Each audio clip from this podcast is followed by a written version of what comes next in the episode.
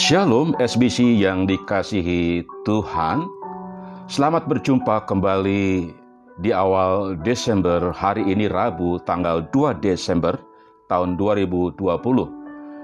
Apakah kita sudah mempersiapkan hati kita sepenuhnya untuk menyongsong hari Natal pada bulan ini? Mari kita akan siapkan hati sepenuhnya khususnya pada hari ini dalam kesempatan persekutuan doa Rabu saya berharap semuanya memiliki satu kerinduan yang sama untuk terus berperan sebagai para pendoa syafaat. Mari kita akan sama-sama minta pimpinan Tuhan terlebih dahulu.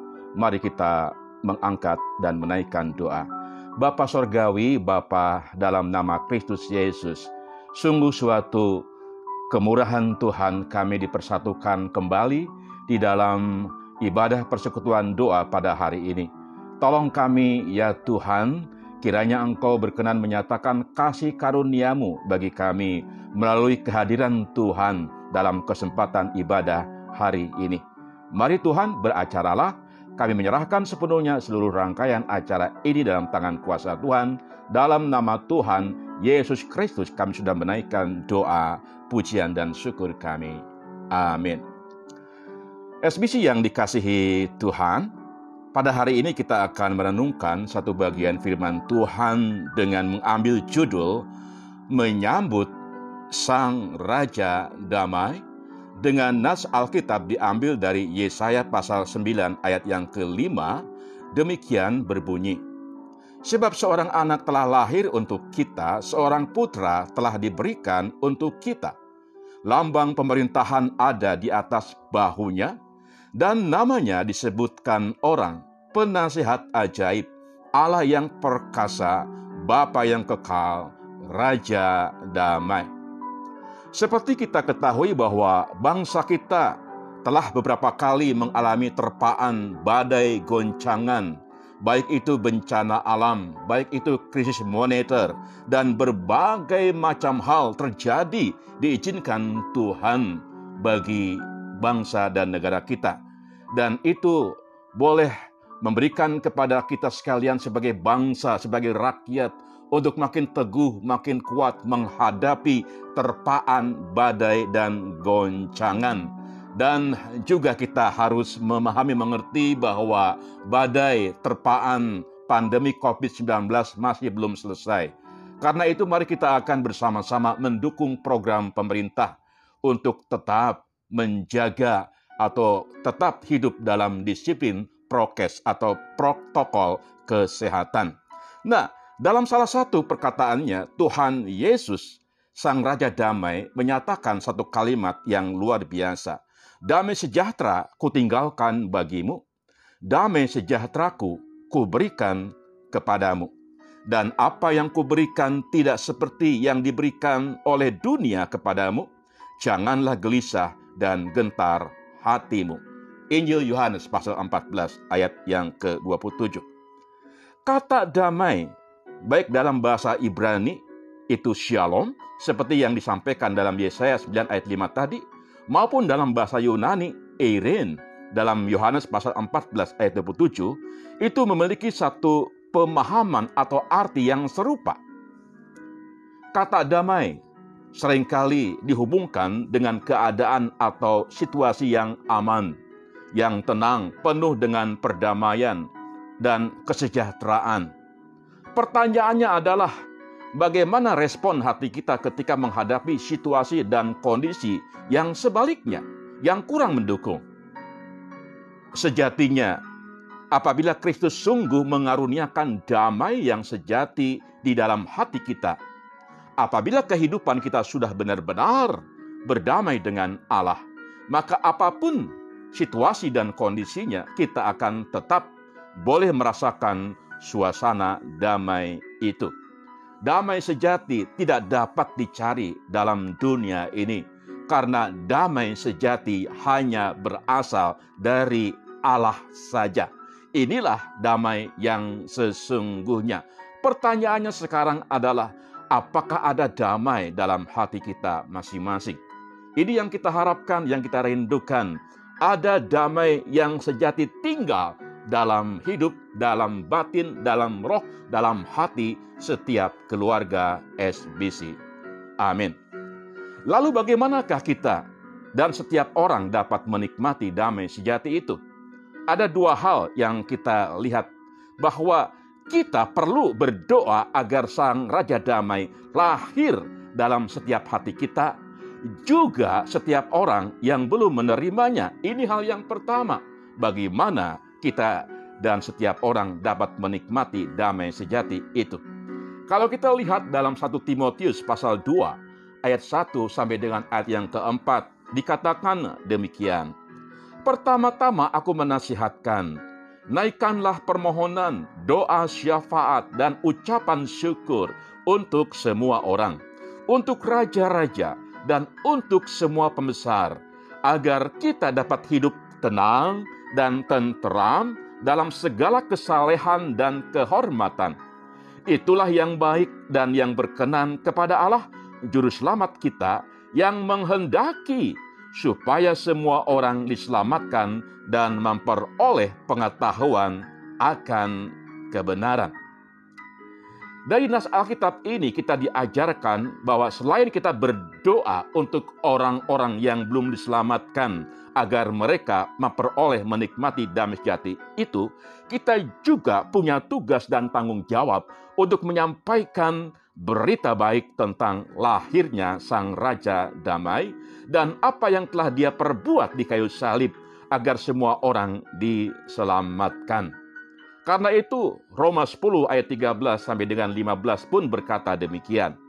Sebab barang siapa yang berseru kepada nama Tuhan akan diselamatkan.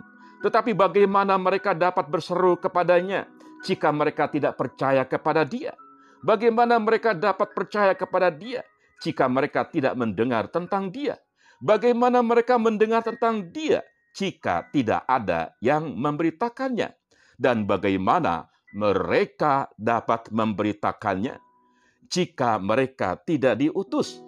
Seperti ada tertulis, betapa indahnya kedatangan mereka yang membawa kabar baik.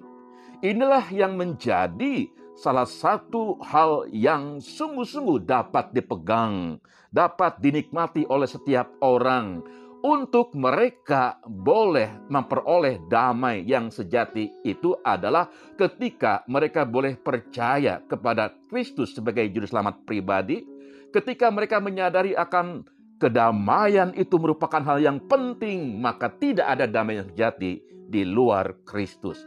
Karena itu, mari kita pun boleh menikmati rasa damai itu dan setiap orang sungguh juga boleh merasakan damai sejati itu. Tetapi satu perkara yang perlu diingat, tidak mungkin ada damai sejati di luar Kristus.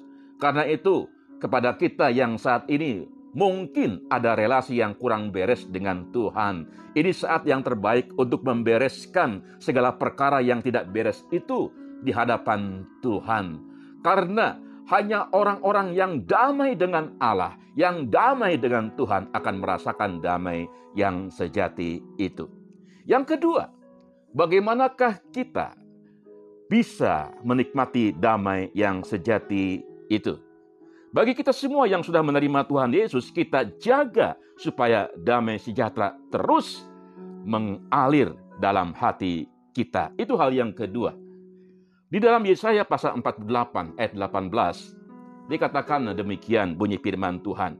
Sekiranya engkau memperhatikan perintah-perintahku, maka damai sejahteramu akan seperti sungai yang tidak pernah kering, dan kebahagiaanmu akan terus berlimpah seperti gelombang-gelombang laut yang tidak pernah berhenti.